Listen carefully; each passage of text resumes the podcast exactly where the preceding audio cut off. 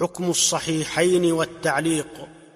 صحيح الذ أسند قطعا على ما اختاره والظن في هذا إلى محققيهم قد عزاه النووي وفي الصحيح بعض شيء قد روي.